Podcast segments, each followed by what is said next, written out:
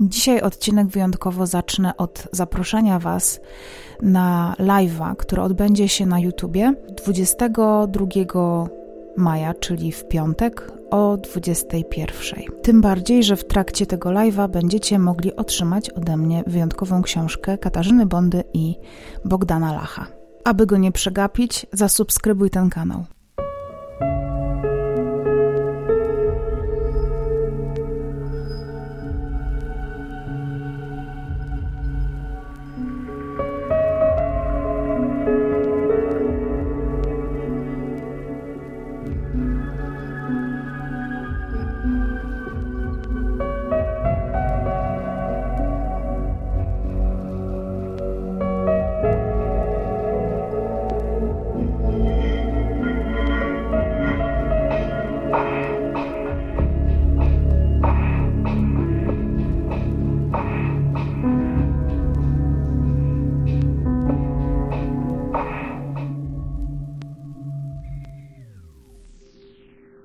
2017 roku dziennikarze Gazety Wyborczej dotarli do informacji, że prokuratura rejonowa w Szczecinku znowu zaczęła zajmować się sprawą morderstwa w Szczecinku. Co takiego się stało, że sprawa z powrotem trafiła na biurko prokuratora? Zajmujący się sprawą śledczy stwierdzili, że niezbędna jest ekspertyza psychologiczna. Portret y, psychologiczny sprawcy, który mógłby ustalić, kto w grudniu 2008 roku wtargnął do domu państwa Rubickich i Matyjów. Sprawa ta wylądowała na biurku Bogdana Lacha, jednego z najbardziej znanych polskich profilerów. To właśnie Bogdan Lach wraz z Katarzyną Bondą opowiadają niezwykłą, przerażającą i fascynującą z kolejnej strony historię kryminalną w swojej nowej książce pod tytułem Motyw ukryty. I właśnie z tej książki znam tę historię. Przyznam szczerze, że nie słyszałam jej wcześniej. I ze względu na to, że sprawa ta dotyczy. Nie, nie będę Wam zdradzać z jakiego względu. Y, dane bohaterów oraz y, szczegóły dotyczące tej zbrodni, jak miejsce, czas, zostały zmienione, żeby chronić y, prywatność ofiar. Zanim jednak przejdę do sedna sprawy, chcę powiedzieć, że z największą przyjemnością mówię o tej książce, dlatego że wszyscy fani non-fiction kryminalnego na pewno mają na swojej półce chociażby jedną książkę Katarzyny Bondy, taką jak Polskie Morderczynie. Y, ta książka, która jest y, świetnie napisana, niesamowicie ciekawie zbudowana.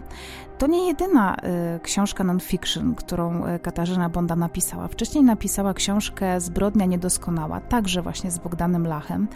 Bardzo Wam serdecznie tę książkę polecam, ponieważ ona jest takim mini podręcznikiem dla adeptów y, właśnie profilowania kryminalnego. Można w niej rozwiązywać różne zagadki i trochę też tak jest w książce Motyw Ukryty, którą miałam okazję już przeczytać, żeby książkę mm, też zrecenzować i mam wielki zaszczyt y, polecać ją z okładki tej książki, więc no, jest to dla mnie niesamowite wyróżnienie, że właściwie to królowa polskiego kryminału i mm, prekursor profilowania kryminalnego w Polsce no, dali mi taką szansę, żebym e, uczestniczyła w promocji tej książki i robię to też e, z czystym sercem, dlatego że wiem, jak wielkie jest zapotrzebowanie na tego typu literaturę i treści wśród fanów tej tematyki. Więc zachęcam Was do tego, żeby po tę książkę sięgnąć. Na pewno ona Was nie rozczaruje, to Wam mówię e, od razu. I też powiem Wam, że jedna z najfajniejszych rzeczy, jaką w tej książce e, przeczytałam, to, to właśnie historia, która ją otwiera.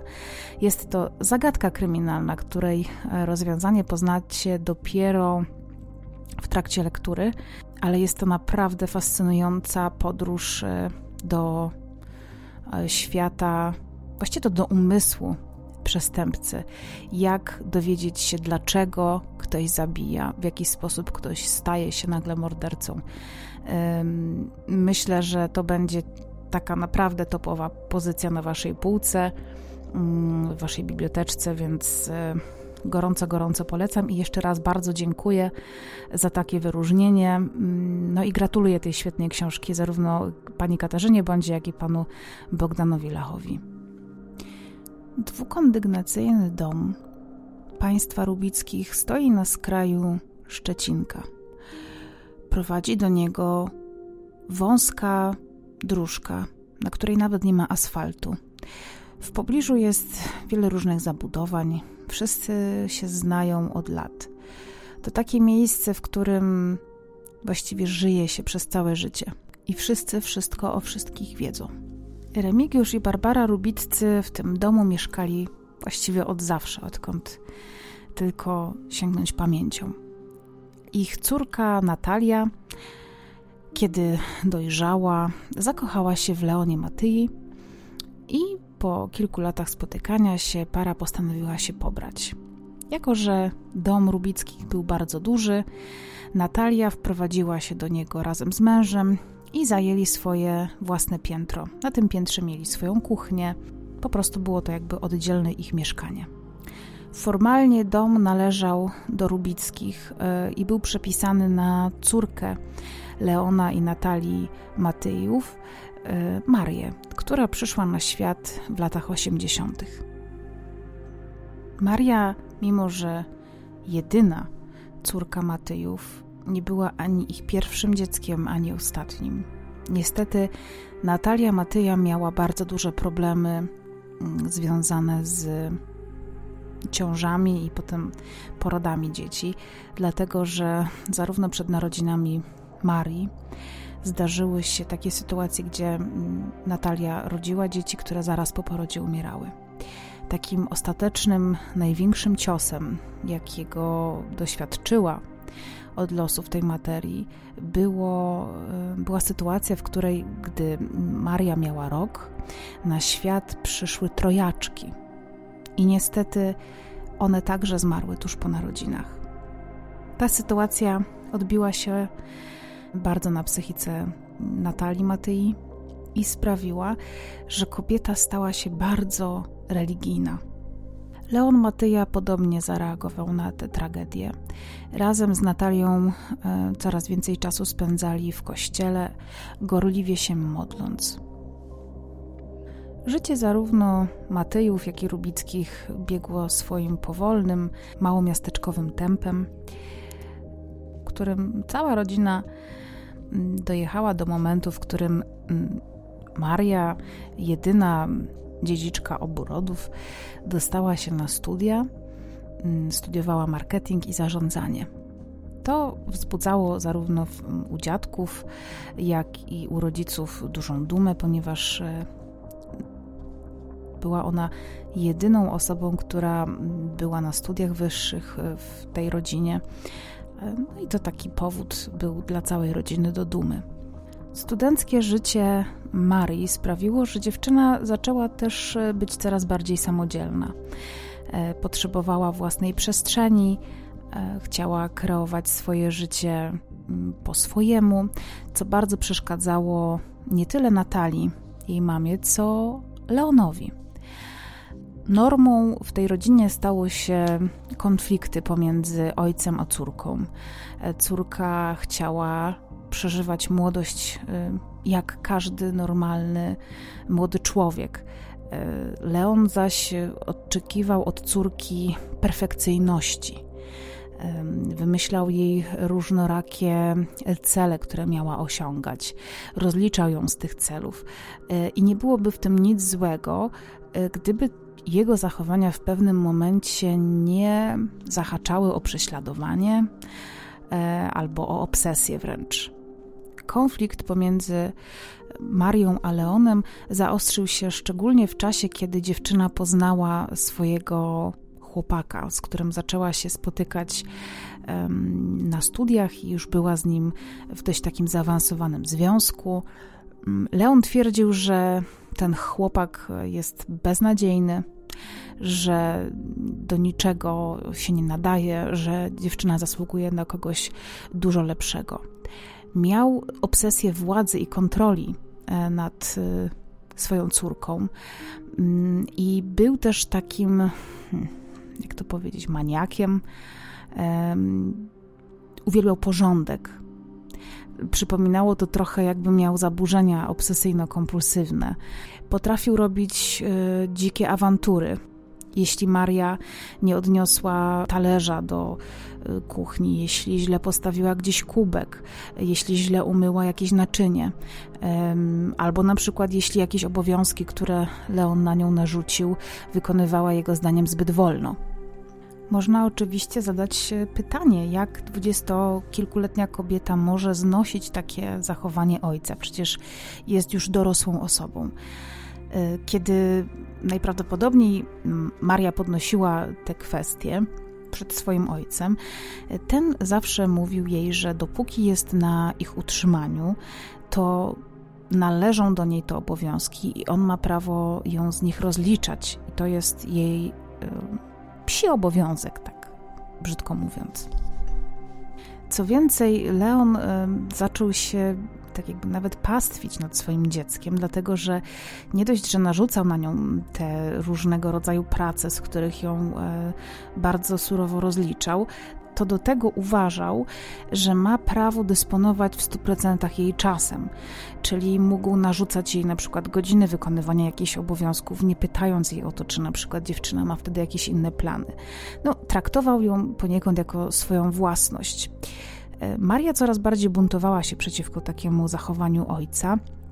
E, na co e, Leon nie zareagował tak, jak może, moglibyśmy oczekiwać, że zareaguje rodzic dorosłego dziecka, że przecież e, uznaje w pewnym momencie, że to dziecko już nie jest dzieckiem, jest dorosłą osobą.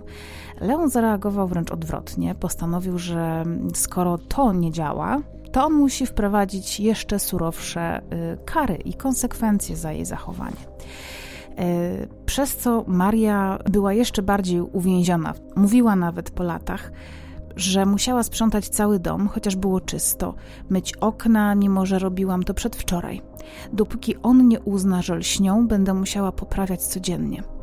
Czasami miałam wrażenie, że sprawia mu przyjemność pastwienie się nade mną do tych swoich e, kar, które wprowadził dla swojej córki, należały między innymi na przykład ukrywanie jej własnych rzeczy, kluczyków do samochodu, telefonu. E, jeżeli mm, Maria już nauczyła się tego, ten telefon chować, to wtedy zabierał jej ładowarki, także nie mogła sobie tego telefonu naładować i właściwie był on bezużyteczny. E, odrywał jej kabel od komputera, wyłączał internet, uniemożliwiając jej po prostu normalne funkcjonowanie. Do tego wszystkiego jeszcze zaczął naliczać dziewczynie kary finansowe. Ona jako studentka nie pracowała, jej jedynym obowiązkiem była nauka, jako że też mieszkała w domu rodzinnym i dojeżdżała codziennie do oddalonego kilkadziesiąt kilometrów miasta, gdzie znajdował się y, jej uniwersytet. Mnóstwo czasu poświęcała na, na naukę i na samo studiowanie, więc jakby znalezienie pracy nie było możliwe, więc y, dostawała po prostu kieszonkowe, co też ją bardzo uzależniało finansowo od rodziców, chociażby w takim najbardziej podstawowym znaczeniu tego słowa, bo rozumiem, utrzymywanie to jest jakby no, taka powiedzmy podstawowa rzecz, ale już takie realizowanie swoich własnych normalnych potrzeb i uzależnianie jakby realizacji tych potrzeb od, od swoich rodziców, kiedy się ma dwadzieścia kilka lat i właściwie zaczyna się swoje dorosłe życie, no na pewno jest bardzo trudne.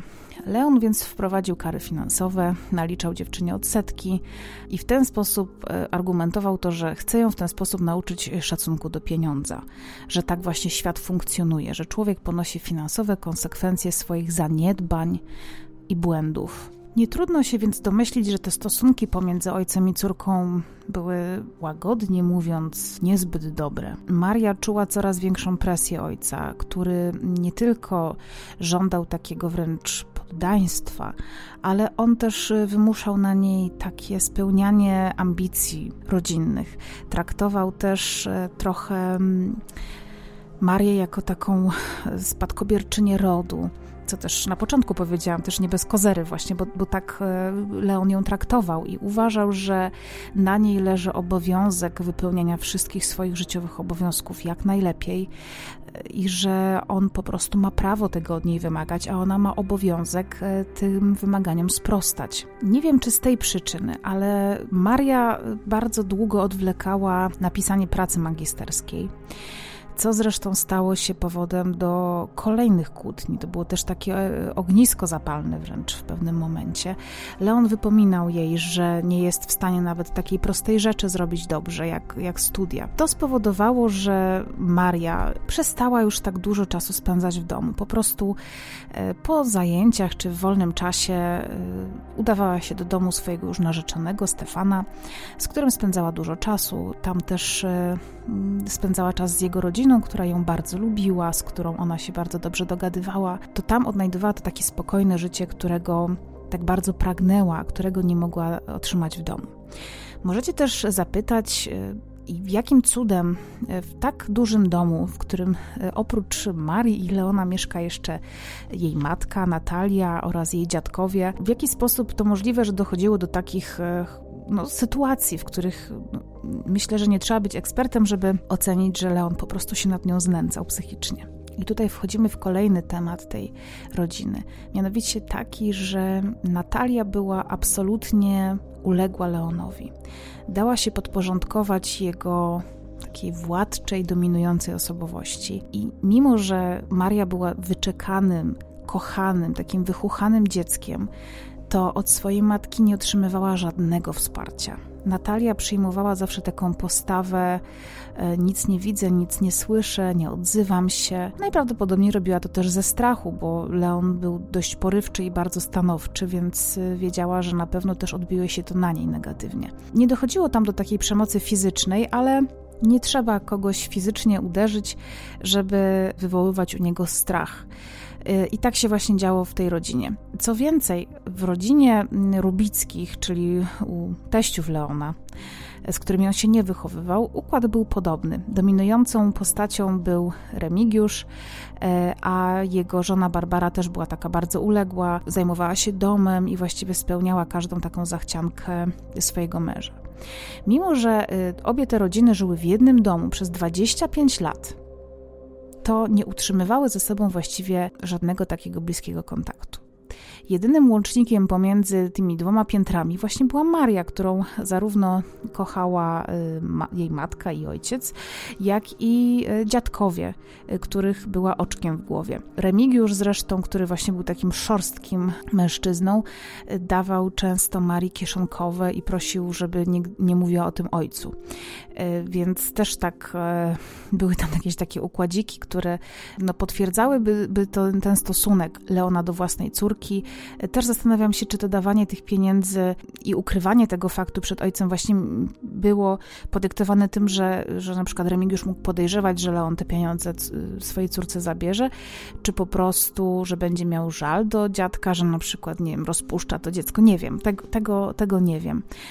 E, natomiast ta e, postawa e, dziadków, moim zdaniem, mocno tłumaczy, dlaczego Natalia zachowywała się tak wobec swojego męża, nie broniąc w ogóle swojego dziecka przed no, tyranem. Też taki ciekawy aspekt osobowości Leona, który wyłania się z akt, to taki, że on miał totalnego fioła na punkcie higieny osobistej, ale nie swojej potrafił dotkliwie krytykować zarówno Marię, jak i Natalię, krytykując ich fryzury, ubiór, y, ale nawet takie niuanse jak dobór dodatków, butów do torebki czy paska do spodni.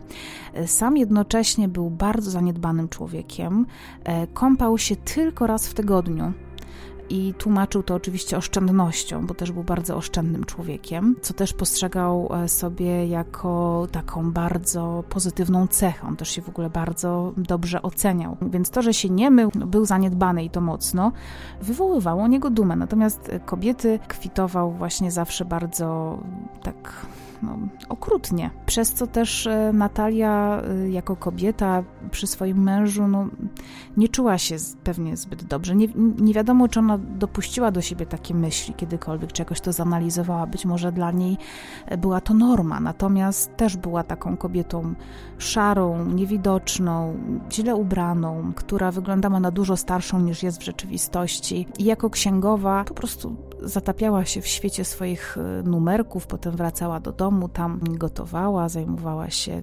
sprzątaniem, takimi kobiecymi sprawami. Właściwie tyle. Oczywiście kobiecymi w takim ujęciu y, takiej klasycznej, tradycyjnej rodziny, jaką y, oczywiście chciał tworzyć Leon. Nie mówię, że to jest kobiece zadanie, żeby gotować obiady, prawda? Wyobrażenie Leona o małżeństwie chyba się właśnie do takiej roli Natalii ograniczało. Maria nigdy nie była świadkiem okazywania czułości pomiędzy mamą i tatą. W ciągu prawie 30 lat małżeństwa tylko dwa razy w życiu wspólnie się bawili podczas jakiegoś przyjęcia.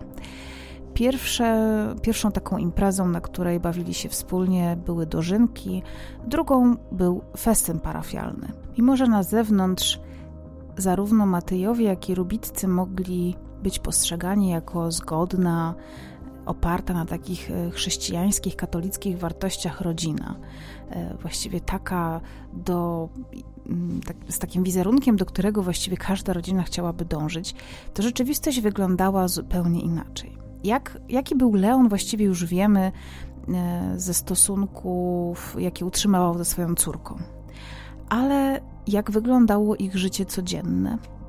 Mimo, że obie rodziny mieszkały w tym samym domu, tak jak powiedziałam wcześniej, nie utrzymywały ze sobą zbyt y, dużego kontaktu. Właściwie Natalia spotykała się ze swoimi rodzicami dwa razy w tygodniu. E, raz spotykała się z nimi wtedy, kiedy przywoziła im zakupy, dlatego że za te zakupy e, była ona odpowiedzialna razem z Leonem. Tak e, się stało, odkąd rodzice mm, zaczęli być mniej sprawni fizycznie. To wyglądało w ten sposób, że raz w miesiącu dostawała jakąś tam sumę pieniędzy od rodziców, za którą właśnie robiła te zakupy i też płaciła rachunki. Całą resztę rozliczała i wpłacała na konto oszczędnościowe. Wszystko dlatego, tak się działo, ponieważ rodzice no, nie mieli zbyt dużego doświadczenia nie wiem, z bankami, a musieli te pieniądze wpłacać do banku po takim incydencie, który miał miejsce w 2004 roku, kiedy y, w środku dnia o 14 w środę, kiedy Maria była na uczelni, a Natalia w pracy, y, do ich domu wszedł nieznany mężczyzna w kasku motocyklowym i napadł na starszych państwa, żądając pieniędzy. I ku zdziwieniu wszystkich, starsza pani odparła atak młodego mężczyzny, silnego. I nie dość, że go w jakiś tam sposób pobiła, to jeszcze zdołała zdjąć z jego głowy kask i rozpoznać jego twarz, znaczy zobaczyć jego twarz. Wtedy okazało się, że on na twarzy miał pończochę, a kobieta twierdziła, że nie ma zielonego pojęcia, kto na nią napadł. Sąsiedzi i bliscy podejrzewali, że pani Barbara doskonale wiedziała, kto ją napadł, tylko że z racji tego, że najprawdopodobniej był to ktoś, czy na pewno był to ktoś znajomy, kto znał e, rozkład, e, który wiedział, którędy wejść, bo wszedł taką konkretną furtką, która nigdy nie była zamykana, wszedł też jakimiś tylnymi drzwiami, które też wiedział, że będą otwarte. No, znał teren, więc być może pani Barbara po prostu nie chciała robić nikomu problemów i przymknęła na to oko. Natomiast sprawa została zgłoszona na policję, ten kask został zabezpieczony, poddany jakimś badaniom. No i właściwie na tym sprawa się zamknęła, ale to była taka, taki sygnał dla rodziny, żeby pieniędzy już nie trzymać w domu. Drugim takim e, momentem w tygodniu, kiedy obie te rodziny się spotykały, była msza w kościele w niedzielę, ale to też nie było jakieś takie spotkanie, gdzie oni po prostu ze sobą rozmawiali, czy szli pod rękę sobie do kościoła, tylko wręcz przeciwnie. Jeżeli ktoś z zewnątrz zobaczyłby idącą e, rodzinę Rubickich i Matyjów do kościoła w niedzielę, to by nawet nie zauważył, że to jest rodzina. Nawet jeżeli szli w tym samym czasie na tę samą mszę, to szli osobno, nie odzywając się do siebie ani słowem. Wracali z tego kościoła również w podobnej atmosferze. No, te stosunki pomiędzy członkami rodziny były bardzo dziwne. Po pierwsze, w tej rodzinie nikt ze sobą tak na dobrą sprawę nie rozmawiał. Między y, Leonem a jego żoną zazwyczaj panowały ciche dni, bo mężczyzna się właściwie wszystko obrażał i potem się do kobiety nie odzywał. Ona zaś bardzo trudno znosiła tę ciszę i była to dla niej największa kara, kiedy jej mąż nie był z niej zadowolony. Najprawdopodobniej w taki sposób po prostu nią manipulował, e, osiągając wtedy wszystko właściwie, co od niej chciał, no bo ona, chcąc mu się przypodobać, nadskakiwała mu, usługiwała, była dla niego wyjątkowo miła. Więc siłą rzeczy jemu się po prostu opłacało być dla niej e, chłodnym, zimnym człowiekiem, bo wtedy wiedział, że ona z kolei jest właśnie najcieplejsza dla niego. Druga rzecz, która myślę, że może dziwić wszystkich, to to, że no, w wielopokoleniowej rodzinie myślę, że sobie większość z nas wyobraża, że to wygląda tak jak w M jak Miłość. E, kiedy jeszcze oglądałam ten serial, to wyglądało to tak, że tam w Grabinie mieszkali seniorzy rodu i jak ktoś tam przyjeżdżał, to wszyscy jadali wspólnie, nie wiem, nawet przy takim kuchennym stole. Ja sobie tak wyobrażam takie wielopokoleniowe domy.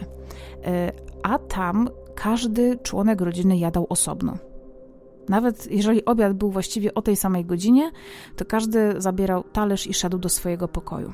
E, Leon zazwyczaj okupował jedno miejsce w domu i był to fotel przed telewizorem. Był to jego fotel, w którym nikt inny nie miał prawa siedzieć.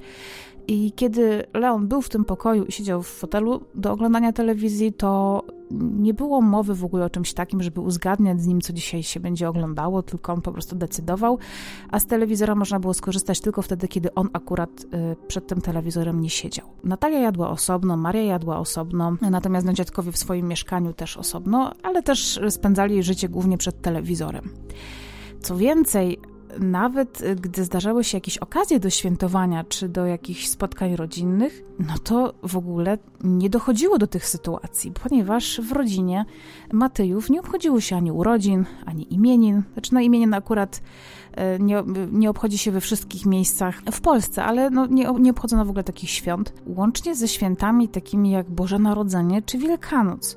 Oczywiście pod kątem religijnym to nie szli do kościoła, e, w, w święta Bożego Narodzenia jedli potrawy wigilijne, ale nie dawali sobie prezentów, e, nie spędzali tego czasu razem, nie zapraszali nigdy gości. Wyjątkiem była osiemnastka Marii, którą zorganizowano, ale tylko i wyłącznie w restauracji i to właściwie e, Maria po prostu dostała pieniądze od rodziców, żeby zaprosić koleżanki. I to też musiała o to bardzo długo prosić i zabiegać, żeby do takiej sytuacji doszło. E, prezenty Leon uważał za e, po prostu absolutne marnowanie pieniędzy e, do tego wszystkiego. Nawet zachowywał się tak opryskliwie, kiedy ktoś mu chciał sprawić przyjemność, dać mu jakiś prezent, odwdzięczyć się za coś. To on zawsze tak wzruszał ramionami i mówił, że nie wiem, dzień jak co dzień, albo po prostu po co w ogóle taki prezent. No i tak czuł po prostu taką wyższość, no tak się kreował, że jest jakby po, ponad wszystko że nawet te święta to po prostu co to w ogóle jest? To jest jakiś wymysł komercyjny, czy, czy w ogóle jakikolwiek. Co więcej, w rodzinie Matyjów e, czuć było cały czas takie napięcie, które wynikało głównie z tych cichych dni pomiędzy rodzicami. E, Leon decydował, kiedy wybacza żonie, kiedy jej odpuszcza. Nigdy też nie rozmawiano, dlaczego tak się stało, co się stało, że on się tak obraził, co można zrobić, żeby tę sytuację zmienić. Po prostu e, był temat i nagle znikał. Natalia też nigdy nie drążyła, mm, nie dociekała, po prostu przyjmowała to takim, jakim jest, e, znowu przyjmując wobec męża taką zupełnie bierną postawę. Oprócz fotela telewizyjnego było jeszcze takie miejsce w domu, którego Leon strzegł jak oczka w głowie. Była to jego kotłownia. W tej kotłowni mógł znajdować się tylko on, nikt nie miał prawa tam wejść i też nikt nigdy nie drążył dlaczego, bo Leon nigdy nie wyjaśniał powodów y, swoich różnych decyzji czy zakazów. Y, po prostu je wydawał i trzeba ich było przestrzegać. Był osobowością skrajnie dominującą. Nikt absolutnie nie miał wpływu na jego decyzje. On je podejmował arbitralnie, samodzielnie. Mm, I kiedy się po prostu na coś uparł, to w ogóle nie było szans, żeby go do czegokolwiek przekonać. Dlatego też na przykład nie dało się z nim nigdy o czymś porozmawiać, o czymś podyskutować. On po prostu wiedział swoje i choćby nie wiadomo, co się stało i jakimi argumentami by się do niego nie mówiło, to on zawsze wiedział swoje, upierał się przy swoim. Jego kotłownia zaczęła być w pewnym momencie żartobliwie nazywana komnatą Sinobrodego. Nie wiem, czy znacie tę baśń o Sinobrodym, ale właśnie myślę, że doskonale mogła oddawać jego postać i w ogóle takie miejsce jego ulubione. Nie wiem, czy on sobie zdawał z tego sprawę. Do tej komnaty on właściwie uciekał w każdej wolnej chwili, kiedy nie spędzał czasu przed telewizorem, kiedy przyszedł na emeryturę, a Natalia jeszcze pracowała, to on też tam spędzał mnóstwo czasu, coś tam sobie dłubał. E, też spędzał dużo czasu w garażu, w którym miał mnóstwo narzędzi, wszystko oczywiście było idealnie poukładane. E, I co dziwne, te narzędzia chętnie pożyczał. On absolutnie nie tolerował pożyczania pieniędzy. Bardzo e, pilnował swoich rzeczy, tak jak na przykład tego fotela, żeby nikt w nim nie siadał. Miał taką potrzebę y, bronienia swojego terytorium. Natomiast jeżeli jakiś sąsiad poprosił go o pożyczenie jakiegoś narzędzia, czy nie wiem, kosiarki do trawy, to on zawsze chętnie się zgadzał, bo traktował to w jakiś sposób jako takie wyróżnienie, że on oto jest takim, e, nie wiem, mentorem czyimś, czy jakimś tak, taką ważną postacią, do której ktoś udaje się po pomoc, uznając jakby jego pewnie wyższość w jego mniemaniu. Więc on takie sprzęty swoje bardzo chętnie pożyczał, natomiast bardzo skrupulatnie pilnował Y, tego, żeby ten sprzęt oczywiście do niego wracał, umawiał się zawsze na konkretny dzień i godzinę zwrotu tego sprzętu, a jeżeli on przychodził w jakikolwiek sposób uszkodzony czy naznaczony użytkowaniem, to Leon domagał się odkupienia pełnowartościowego sprzętu, co też no, spra sprawiało, że bardzo często on po prostu ten sprzęt miał wymieniany na nowy. Leon, mimo że był na emeryturze i żył sobie właściwie w tym domu sam, bo kiedy Natalia i Marta wychodziły z domu, a teściowie byli na osobnym piętrze i nie mieli z nim kontaktu, no to właściwie mógł robić co chce. Ale on trzymał się takiego bardzo rygorystycznego planu dnia, który właściwie nigdy się nie zmieniał. E, kładł się zawsze w okolicach 23, wstawał o 7.30, nie używając budzika, po prostu tak wstawał. W weekendy pozwalał sobie na leżenie w łóżku do 8 i była to taka luksusowa, powiedzmy, sytuacja. Nie korzystał w ogóle z komunikacji miejskiej, z pociągów, z autobusów. Wszędzie poruszał się, jeśli w ogóle gdziekolwiek się ruszał z domu, to poruszał się swoim e, samochodem. Był to Peugeot 206 i to było jego oczko w głowie. On dbał o ten samochód, jakby to była limuzyna. Traktował go jako najdroższą rzecz, jaką posiada. Miał obsesję właściwie na punkcie tego samochodu, ale było tak, że w okolicach 2008 roku on planował ten samochód już wymienić na nowszy model. Odkładał zresztą na ten cel pieniądze. Oczywiście, jako że był takim bardzo dokładnym człowiekiem, obsesyjnym wręcz, no to zakup tego samochodu oczywiście kosztował go bardzo wiele zachodu, czy właściwie przygotowywanie się do tego zakupu. Analizował e, bardzo dokładnie wszystkie parametry samochodów, oferty e, dealerów, różnych salonów, dlatego że on nienawidził marnować pieniędzy i musiał wiedzieć, na co i w jaki sposób wydaje swoje ciężko zarobione pieniądze. Żeby jeszcze lepiej oddać stosunek e, Leona do tego samochodu, powiem Wam tylko tyle, że on Peugeota mył codziennie. Ale to było po prostu takie jego oczko w głowie, że codziennie go wyprowadzał z garażu i na podwórku mył. I właściwie ten Peugeot to, był, to była jedyna rzecz w jego życiu, o którą on tak naprawdę się troszczył. Najbardziej czuły był wobec własnego samochodu. Kiedy Matejowie obchodzili 25-lecie małżeństwa, Leon postanowił sprezentować żonie różę, którą kupił w Biedronce y, podczas trwającej przeceny na róże oraz butelkę wina, którą wypił wieczorem sam w domu. Była jednak taka sfera życia, w której to Natalia e, decydowała za całą rodzinę i ona mm, dowodziła. I była to o dziwo kwestia finansowa. Być może wynikało to z tego, że była ona księgową, więc dobrze się znała tam na cyferkach, tabelkach i rozliczeniach. Ona przede wszystkim zarządzała domowym budżetem. Bardzo możliwe, że wynikało to też z tego, że ona po prostu y, robiła te zakupy pod kątem tego, co będzie gotować i serwować całej rodzinie. Finanse rodziny wyglądały w ten sposób, że ona zarabiała niewiele y, ponad 1000 zł, a on dostawał emeryturę w wysokości ponad 3000 zł, więc mieli mniej więcej około 4, do tego dorzucając y, trochę pieniędzy od rodziców, y, y, na przykład na rachunki, więc też te koszty życia były trochę mniejsze więc dysponowali mniej więcej niespełna 5 tysiącami mm, złotych miesięcznie.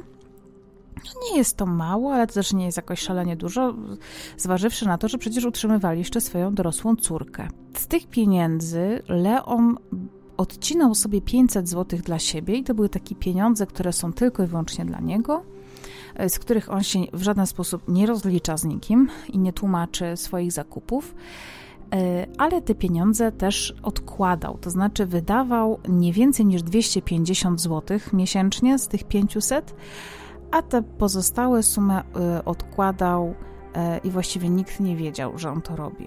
Leon oprócz tego, że nie utrzymywał zbyt ścisłych kontaktów nie tylko ze swoimi teściami, ale też ze swoją żoną, e, właściwie jedyną osobą w jego życiu, z jaką on utrzymywał jako taki kontakt, to była córka, od której bez przerwy czegoś chciał e, i był z niej wiecznie niezadowolony.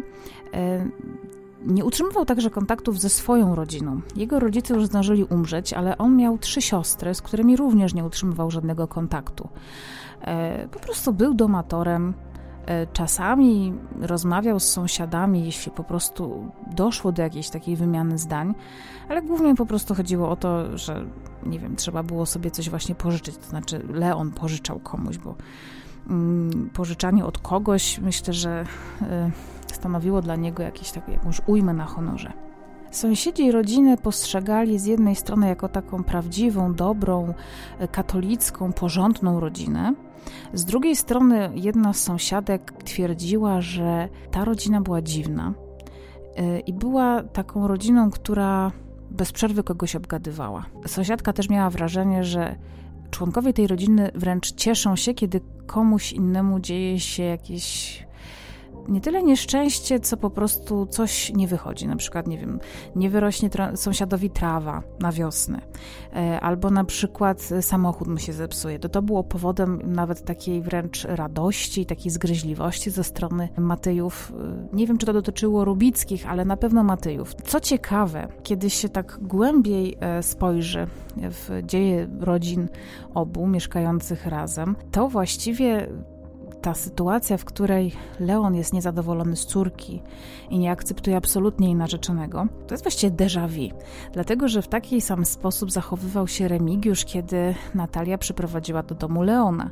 Był niezadowolony, że chłopak pochodzi z rolniczej rodziny, że nie ma e, wyuczonego żadnego porządnego fachu, że nie jest zamożny, że nie jest wysoki, dlatego że Leon miał 1,68 m wzrostu. Nie był też w żaden sposób przystojny, no po prostu zwykły chłop, jak to zwykł mawiać Remigiusz. E, z tych samych powodów Leon nie akceptował e, narzeczonego swojej córki. Uważał, że jest e, za niski, absurd po prostu, ale być może jest to jakieś, nie wiem, przeniesienie własnych kompleksów na, na inną osobę.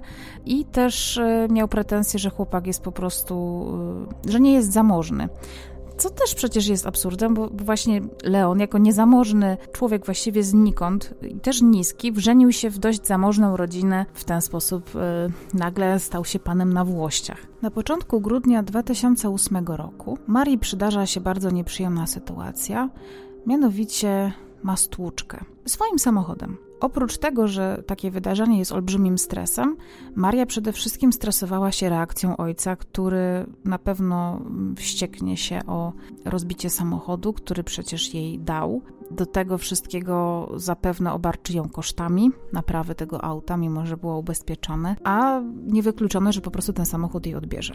Dziewczyna zestresowana po tej stłuczce wróciła do domu i stresując się jeszcze bardziej, wjeżdżając e, na podwórko, przytarła jeszcze tym samochodem o bramę. Leon, widząc to, wpadł w totalną furię i zrobił córce tak olbrzymią awanturę, w trakcie której uderzył ją w twarz tak mocno, że złamał na jej twarzy y, okulary. Te okulary spadły na podłogę. Dziewczyna stała jak wryta. E, wszystkiemu przyglądała się biernie Natalia.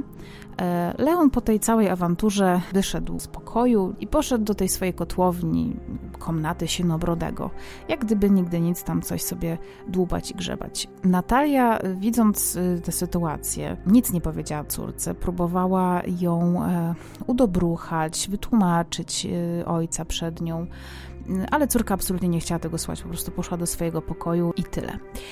14 grudnia 2008 roku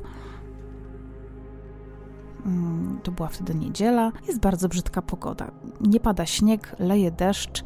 E, jest 1 stopień Celsjusza, czyli właściwie prawie mróz, ale jednak e, tak, taki dotkliwy, mokry, grudniowy dzień.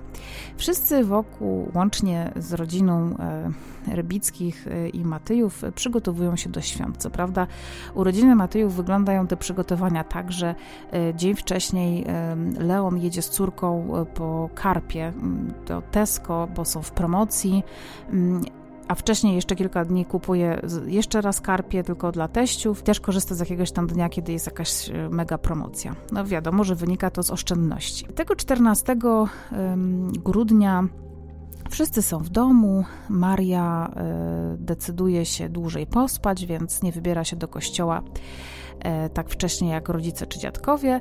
E, I tego dnia też dochodzi do takiego podziału, który się czasami zdarzał, że do kościoła najpierw wybiera się e, Barbara z Natalią, a dopiero na późniejszą godzinę tego kościoła szedł Remigiusz z, ze swoim zięciem. Kiedy kobiety wracają do domu, mm, mijają się z mężczyznami. Kobiety mówią mężczyznom, że jak tylko wrócą do domu, to zaczną tam przygotowywać obiad. Nie wiem, czy czy oni się szykowali do jakiegoś wspólnego posiłku, wątpię. Raczej chodzi o to, że po prostu ten obiad był ugotowany i po prostu każdy się z nim rozchodził e, do siebie.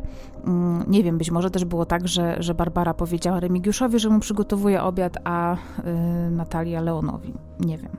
W każdym razie dochodzi między nimi do takiej wymiany zdań. Kiedy Leon wraca do domu po kościele i orientuje się, że Maria jeszcze e, w tym kościele nie była, robi oczywiście awanturę, że dlaczego ona nie poszła razem z babcią i z mamą, no ale dziewczyna po prostu ignoruje ojca mm, i mówi mu, że ona będzie szła do kościoła razem ze Stefanem, ze swoim narzeczonym, dlatego że jest z nim umówiona po południu. No i właśnie tak to wygląda. Rodzina e, po południu się rozdziela, rodzice zostają w domu, natomiast Maria jedzie do e, Stefana. O 17 Maria i Stefan spotykają się w kościele, mm, ale wychodzą w trakcie mszy z kościoła, idą okrężną drogą przez cmentarz i robią to dlatego, żeby nie widzieli ich ludzie, którzy mogliby donieść rodzicom e, o tym, że dorosła córka wyszła z kościoła i z tego kościoła trafiają e, do domu rodziców Stefana. Maria proponuje, że e, zamówi pizzę, dzwoni do restauracji Firenze i składa zamówienie i ta pizza przyjeżdża i rodzina ze smakiem ją zajada. Po prostu spędzają ze sobą fajnie czas. O 18 Leon kończy oglądać telewizję, i idzie sobie do kotłowni. O 20.15 Maria w domu rodziców Stefana e, kończy kolację z rodzicami i razem ze swoim chłopakiem idą na górę i tam do 22.30 uprawiają seks. E, potem Maria się ubiera, Stefan odprowadza ją do domu i jeszcze mówi, że on pójdzie sobie na, e, na piwo e, do jakiegoś tam baru z kolegami, po drodze kupuje papierosy. Natomiast o 23 Maria trafia do domu, otwiera drzwi, dziwi się, że nie są zamknięte, a w całym domu pali się światło. Dziewczyna wita się z domownikami, bo jest zdziwiona, że u rodziców i u dziadków pali się światło, ale nikt jej nie odpowiada. Wchodzi więc do mieszkania Remigiusza i Barbary i znajduje ich leżących nieprzytomnych na podłodze z, w kałuży krwi. Na ścianach, meblach wszędzie jest krew. Przeraża się tym widokiem, ale biegnie na górę sprawdzić, czy też y, jej rodziców spotkał ten sam los, ale na górze nikogo nie ma. I dziewczyna od, od, oddycha z ulgą, e, ciesząc się, że nic takiego się rodzicom nie stało, no ale w takim razie gdzie oni są, skoro dziadkowie są tutaj, a rodziców nie ma. E, przecież gdyby, nie wiem, e, udzielano już pomocy rodzicom, no to pewnie dziadków nikt by nie pozostawił sam, samych sobie, więc e, dziewczyna wpada na pomysł, żeby pójść do garażu i sprawdzić, czy może tam rodzice są. I owszem, znajduje ich też równie krwawej scenerii. Leżą oboje przy Peugeocie, ukochanym samochodzie Leona. Przyjeżdża pogotowie Na miejscu stwierdza zgon Leona. Po chwili umiera Remigiusz, natomiast Barbara i Natalia są żywe jeszcze. Po dobie umiera babcia Marii, natomiast y, Natalia ku zdziwieniu wszystkich y, i mimo bardzo rozległych i dotkliwych obrażeń głowy, szczególnie po prostu miała roztrzaskaną czaszkę, nie umiera żyje. Zostaje wprowadzona w stan śpiączki farmakologicznej, żeby jej organizm mógł się e, regenerować. Natomiast lekarze nie dają jej dużych szans. Tam szansa na przeżycie jest szacowana jako nie wiem, 20%. Maria jest w kompletnym szoku.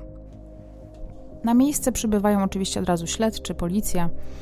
E, prokuratura, zostają zabezpieczone ślady, oględziny też zostają zrobione miejsca znalezienia zwłok Leona i Remigiusza. Śledczy od razu widzą, że najprawdopodobniej celem ataku był Leon, do którego doszła w pewnym momencie Natalia, która też została zlikwidowana, ale jako świadek, i rodzice też Natalii zostali w, w, dlatego w ten sposób zamordowani także, bo po prostu byli świadkami. Co od razu sugeruje, że skoro sprawca zabijał świadków, to znaczy, że musiał bać się rozpoznania, to znaczy, że był dobrze znany swoim ofiarom. Sposób, w jaki sprawca dotarł do domu, wtargnął do tego domu oraz do garażu, a potem go zamknął za sobą, e, świadczył o tym, że doskonale musiał znać nie tylko e, samą e, rodzinę i to, w jaki sposób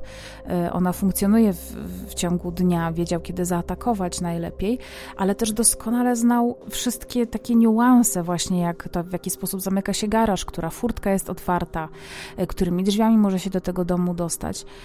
I to już jakby utwierdziło śledczych w przekonaniu, że to na pewno jest ktoś, kogo oni bardzo dobrze znają i kto bardzo dobrze zna ich. Co więcej, też wykluczono włamanie, więc najprawdopodobniej e, sprawca po prostu przyszedł e, pod jakimś pretekstem do Leona, wywabił go z domu, dlatego też Leon znajdował się w garażu i tam pod pretekstem najprawdopodobniej pożyczenia na przykład jakiegoś sprzętu czy jakiegoś narzędzia zaatakował go.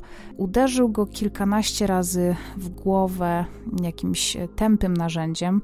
E, śledczy mm, określili to narzędzie na jakiś mały młotek. I najprawdopodobniej z tego względu, że Leon długo nie wracał do domu, Natalia postanowiła sprawdzić, co się dzieje w tym garażu, więc wyszła e, z domu bez jakiegoś okrycia wierzchniego, e, włożyła tylko e, na szybko buty męża, więc wiecie, jaka to jest sytuacja, taka szybkiego wyjścia z domu i włożenia butów, nie wiem, czy za dużych, czy za małych, czy takich przetrzaśnie, jak się przetrzaskuje piętami, wiecie, butek się tak szybko chce nagle wyjść.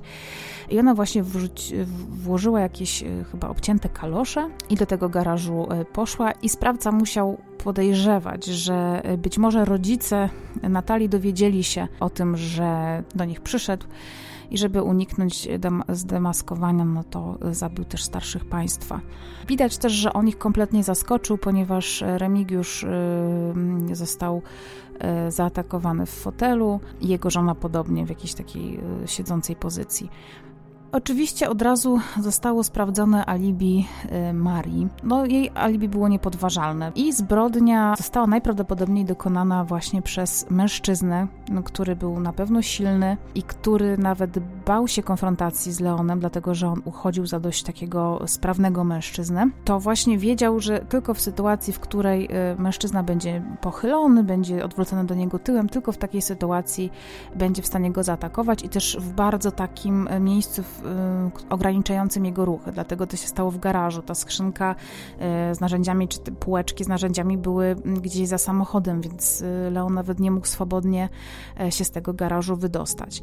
Po sposobie zadawania ran Leonowi policjanci też od razu śledczy też wyciągają taki wniosek, że to jest zbrodnia o podłożu emocjonalnym i to bardzo silnym, dlatego trzeba na pewno szukać konfliktów, jakie Leon miał w swoim otoczeniu.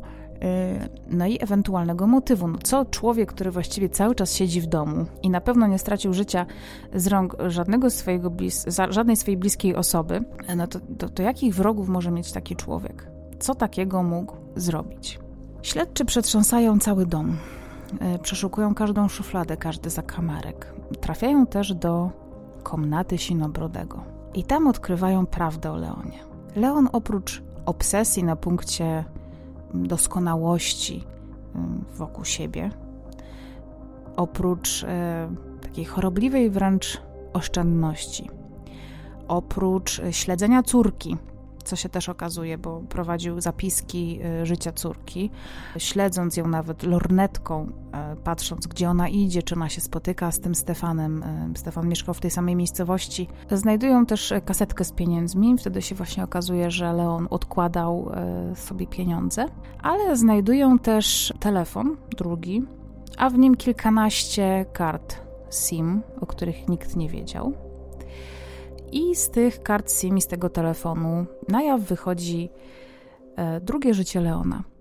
Leona, erotomana, podrywacza, opętanego seksem mężczyzny. W kotłowni ukryty jest także cały jego arsenał mm, zabawek erotycznych, e, wibratory, dildo, uprzęże, e, kobieca bielizna, nie należąca na pewno do, ani do córki, ani do, do żony.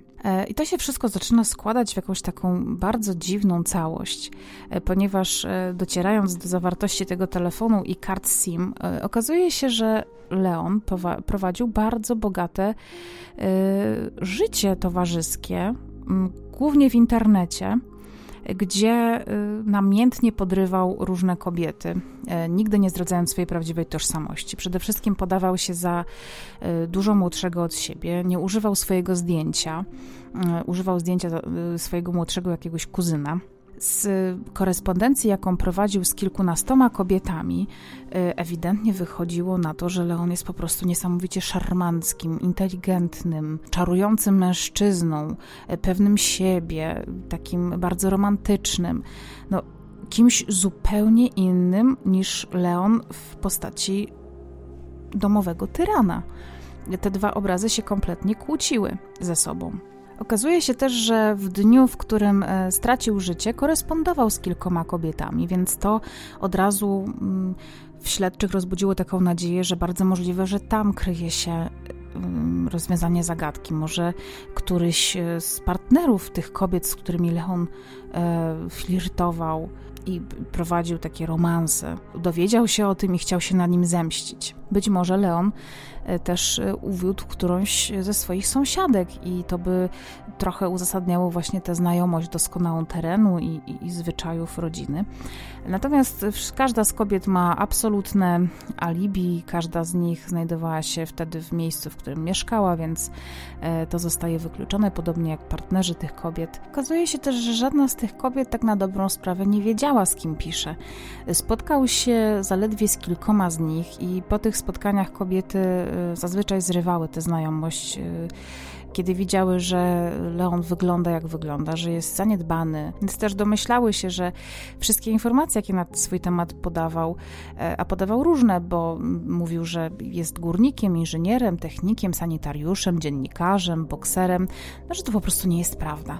E, też mieszał swoje doświadczenia życiowe, co też ciekawe, e, opowiadał tym kobietom zarówno o mm, Natalii, jak i o Marii, ale robił to w zawoalowany sposób. O Natalii opowiadał jako o swojej matce, natomiast o e, Marii mówił e, jako o swojej siostrze i w ten sposób jakby zdradzał te swoje relacje z kobietami, z którymi żył tak na dobrą sprawę. Oprócz e, tych kobiet, z którymi stale rozmawiał, a tylko dodam, że on codziennie rozmawiał nie dość, że z kilkoma kobietami naraz, to wykonywał około kilkudziesięciu telefonów dziennie. Czyli kiedy najprawdopodobniej wszyscy wychodzili y, czy do pracy, czy, y, czy Maria jeździła na studia, to po prostu Leon wtedy mm, oddawał się temu drugiemu życiu swojemu. E, wysyłał też y, codziennie około e, kilkuset wiadomości, e, znaczy SMS-ów.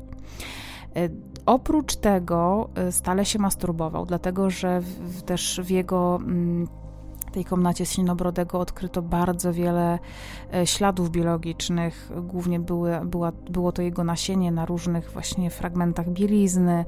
E, nie udało się ustalić, skąd ta bielizna pochodzi. Być może te kobiety mu jakoś ją wysyłały, może on po prostu ją kupował. E, wiecie, można różne rzeczy w internecie kupić, nawet używaną bieliznę. Do tego wszystkiego, jakby tego było mało, on też oglądał bardzo dużo pornografii, spotykał się z prostytutkami planował bardzo y, dokładnie wszystkie spotkania. Y, te kobiety do niego przyjeżdżały. To nie było tak, że on się udawał gdzieś, tylko one do niego przyjeżdżały, co, co jest w ogóle niezwykłe, patrząc na to miejsce zamieszkania, gdzie ten dom się znajdował i jak on był bardzo na widoku, że nikt nie odkrył nigdy tej prawdy o nim. To dla każdego było szokiem. Jednocześnie wszyscy y, Leona uważali za takiego bardzo konserwatywnego katolika. Tak też postrzegały go koleżanki Natalii z pracy, e, które za niezwykłą, e, wspaniałą rzecz uważały to, że mężczyzna po swoją żonę codziennie przyjeżdża do pracy samochodem. E, uważały, że jest właśnie mm, bardzo troskliwy, bardzo kochany, wspierający. Taki też obraz Natalia budowała na zewnątrz, dlatego że ona była szalenie w mężu zakochana, mimo że oni po prostu nie żyli ze sobą w ogóle, nie uprawiali dawno seksu, a ona jako kobieta też była szalenie zaniedbana. Do fryzjera chodziła dwa razy w roku, przed Wielkanocą i przed Bożym Narodzeniem. Miała chyba jeden taki strój wyjściowy, taki powiedzmy bardziej elegancki i miała e, uzębienie w bardzo złym stanie, fatalnym wręcz. E, nie dbała w ogóle o uzębienie. E, więc możliwe też, że Leon po prostu uciekał do e, tych kobiet, e, chociażby z tego względu, albo też to działało pewnie w dwie strony, bo potem pewnie widząc te kobiety, które mu się szalenie podobały, też punktował bardzo negatywnie mm, swoją żonę. Obraz Leona jednak nie wyłaniał się tak piękny, jak pewnie mężczyzna chciałby, żeby się wyłaniał. Przytoczę Wam teraz fragment książki. Leon nie należał do przystojniaków. 168 cm wzrostu, zaniedbany i tani ubiór. Kąpał się i przebierał w świeże ciuchy tylko przed randkami i wyjściem do kościoła. Otaczał się niedrogimi przedmiotami i sprzętem. Był jednak bardzo wyczulony na wygląd zewnętrzny innych. Potrafił żonie lub córce zwrócić uwagę, że jest źle uczesana, ma niedopasowaną bluzkę lub pogniecione spodnie. Krytykował, nie przebierając w słowach. Ale kiedy uwodził kochanki, sprawiał wrażenie rycerskiego, szarmanckiego, czasami przywdziewał skórę wrażliwca lub filozofa. W życiu prywatnym był postrzegany jako tyran, osoba skłonna do wywierania presji, uparta, zawzięta i konsekwentnie dążąca do wytyczonych celów. Niektórzy mówili wprost: gbur, szorstki, mruk. Ponieważ jednak nikogo do siebie nie dopuszczał, a jednocześnie często manipulował danymi na swój temat, osoby, na których mu zależało, gdyż miał do nich interes, sypały komplementami na jego temat jak z rękawa. Miły, uprzejmy, małomówny, pracowity, nieśmiały, wierny żonie. Tak naprawdę był sprytny, podstępny i wyrachowany. Potrafił grać różne role w zależności od tego, czy mu się to opłacało. Nigdy nie zezwoliłby żonie na rozwód.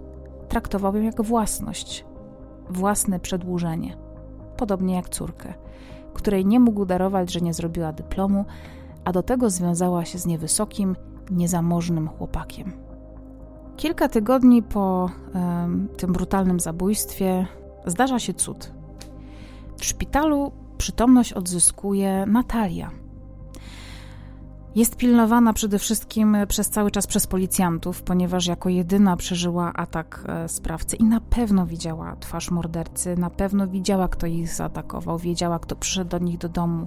E, była też w tym garażu, w którym doszło do zbrodni.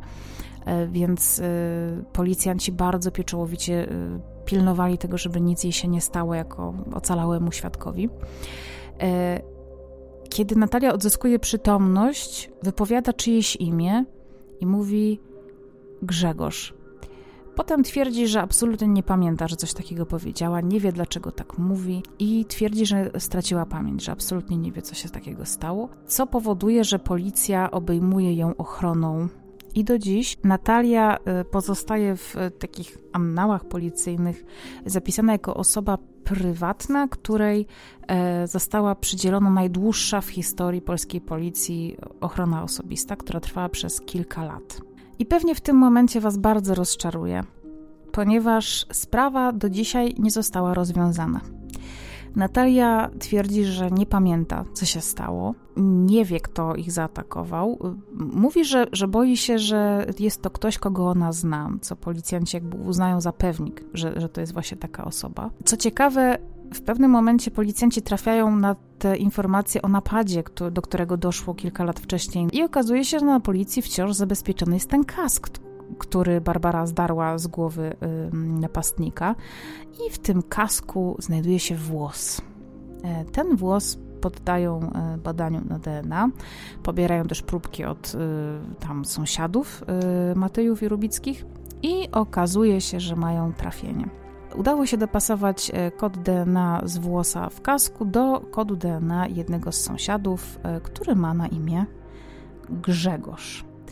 Wtedy policjanci podskoczyli e, z radości, wiedzieli, że już mają e, traf, sprawdzają tego Grzegorza. No Grzegorz ma alibi na czas tego napadu, ma też alibi na czas e, zabójstwa Matejów. On twierdzi, że ten włos mógł się tam znaleźć, dlatego że on często w tym domu bywał, czemu absolutnie zaprzecza Maria która mówi, że, że wcale nie, bo w tym domu właściwie nikogo nie było nigdy. Nawet listonosz, który przychodził stale z y, tam emeryturą czy z listami, był przyjmowany y, przed furtką. Y, każda osoba, która przychodziła do nich do domu, była co najwyżej wpuszczana do tego garażu, jeśli przychodziła po narzędzia, więc oni nikogo nie wpuszczali do domu, więc to jest bzdura, co ten Grzegorz mówi. Natalia widzi twarz tego Grzegorza, nie reaguje na nią w żaden sposób. Grzegorz zostaje poddany badaniu na wariografię.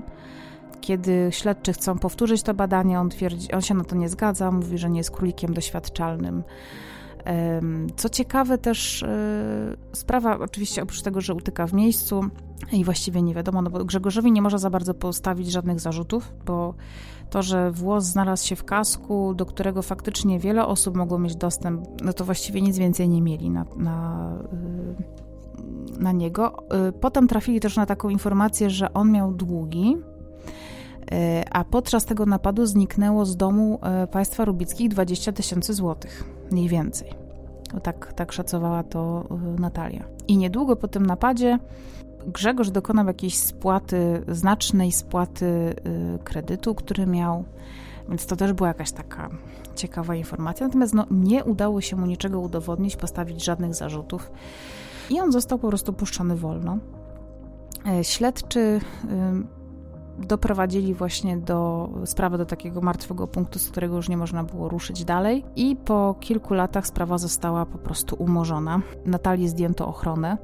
Natomiast cały dom, w którym mieszka, jest naszpikowany różnego rodzaju systemami ochrony. Jest kilkanaście kamer y, i różne inne takie jakieś tam czujniki i systemy, o których y, nie można mówić, no bo wiadomo, mają one chronić, a nie być powodem do tego, żeby rozkminić, jak się tam jednak dostać. E, no i kobieta właściwie nie wychodzi z domu do dzisiaj. Co więcej, kilka lat temu e, zostało wznowione to śledztwo, mm, dlatego że e, postanowiono właśnie poprosić profilera o to, żeby przyjrzał się tej sprawie, żeby stworzył portret psychologiczny sprawcy. Oczywiście praca zaczęła się od stworzenia portretu psychologicznego ofiary. E, z którego właśnie wynika taki, a nie inny obraz e, Leona.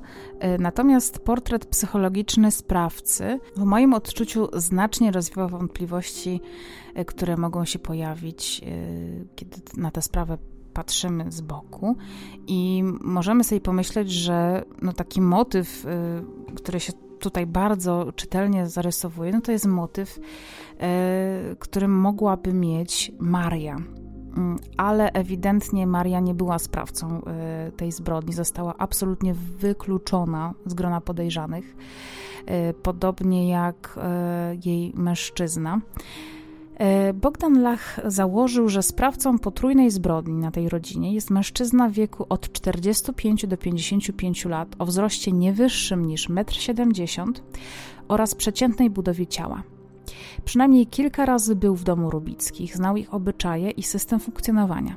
Był na tyle bliski tej rodzinie, że wiedział o charakterystycznym sposobie zamknięcia bramki wejściowej i blokowaniu drzwi garażowych na łańcuch. Motywem była zemsta za wyrządzoną mu w jego subiektywnym postrzeganiu krzywdę w niedalekiej przeszłości. Człowiek ten potrafi manipulować ludźmi, nadawać inne znaczenie powstałym sytuacjom. Wkalkulował konieczność usunięcia świadków, postanowił zabić wszystkich i po to przyszedł tego wieczoru na miejsce zdarzenia. Przecież to uniemożliwiało dotarcie do źródła konfliktu, a tym samym do ustalenia, kim, e, z kim ta rodzina miała na pieńku. Sprawca ma cechy charakterystyczne dla zaburzenia obsesyjno-kompulsywnego. Ciekawe. Cechuje go nadmierna kontrola, zaabsorbowanie porządkiem i doskonałością psychiczną. Wszedł do domu swoich ofiar pod y, nienasuwającym żadnych podejrzeń czy wątpliwości pretekstem. Prawdopodobnie nie była to jego pierwsza zbrodnia. E, najprawdopodobniej był notowany zabójki lub pobicia i być może nawet mieszka na tej samej ulicy. Ma wykształcenie zawodowe, inteligencję przeciętną, funkcjonuje w związku emocjonalnym i ma stałą partnerkę. Zgromadzone dotychczas dowody nie pozwoliły na zbudowanie łańcucha poszlak pozwalających na postawienie zarzutów. Być może nowe technologie kryminalistyczne lub informacje przekazane przez osoby wiedzące coś o inkryminowanym zdarzeniu, czego do tej pory nie ujawniły, pozwolą na rozwiązanie tej zagadki i postawienie zarzutów. Więcej szczegółów tej sprawy znajdziecie w książce Motyw ukryty e, Bogdana Lacha i mm, Katarzyny Bondy. Ja też celowo tutaj nie zdradziłam kilku e, takich ciekawych informacji, żebyście też mieli frajdę z czytania, czy frajdę, no, e, z odkrywania jeszcze kilku rzeczy na temat tej sprawy. Jest ona no, niezwykle fascynująca, szczerze powiedziawszy. E, wydaje mi się e, fascynująca pod względem tego, e, w jaki sposób można prowadzić podwójne życie, jak można grać wiele różnych ról. Ja zawsze myślę, że nie tylko ja tak mam, ale myślę, że wiele z nas takie osoby, które prowadzą podwójne, nawet czasami potrójne życie, to są osoby, które żyją w dużych miastach, mają na to nieograniczone środki finansowe. E, coś jak, nie wiem, bycie Batmanem, prawda, że tutaj na co dzień jesteś e, jakimś biznesmenem, a w nocy ratujesz ludzkość. A to tak nie wygląda. To jest znowu nasz sąsiad, to jest ktoś, z kim e, mieszkaliśmy przez płot, od którego pożyczaliśmy młotek, kiedy chcieliśmy naprawić sobie coś w domu.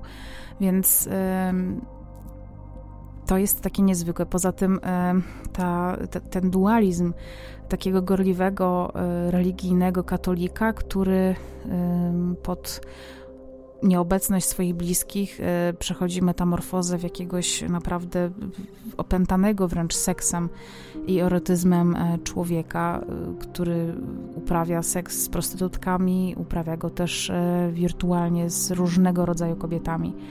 Mm, bawi się gadżetami, y, ma taką wręcz komnatę seksu właściwie w swojej kotłowni nie dopuszczając nikogo do, do siebie. Y, no, jest to naprawdę fascynująca historia, y, która mam nadzieję, że znajdzie w końcu finał na sali sądowej i dowiemy się, kto za tym stoi i jaki miał tak naprawdę motyw, za co mógł się zemścić na Leonie.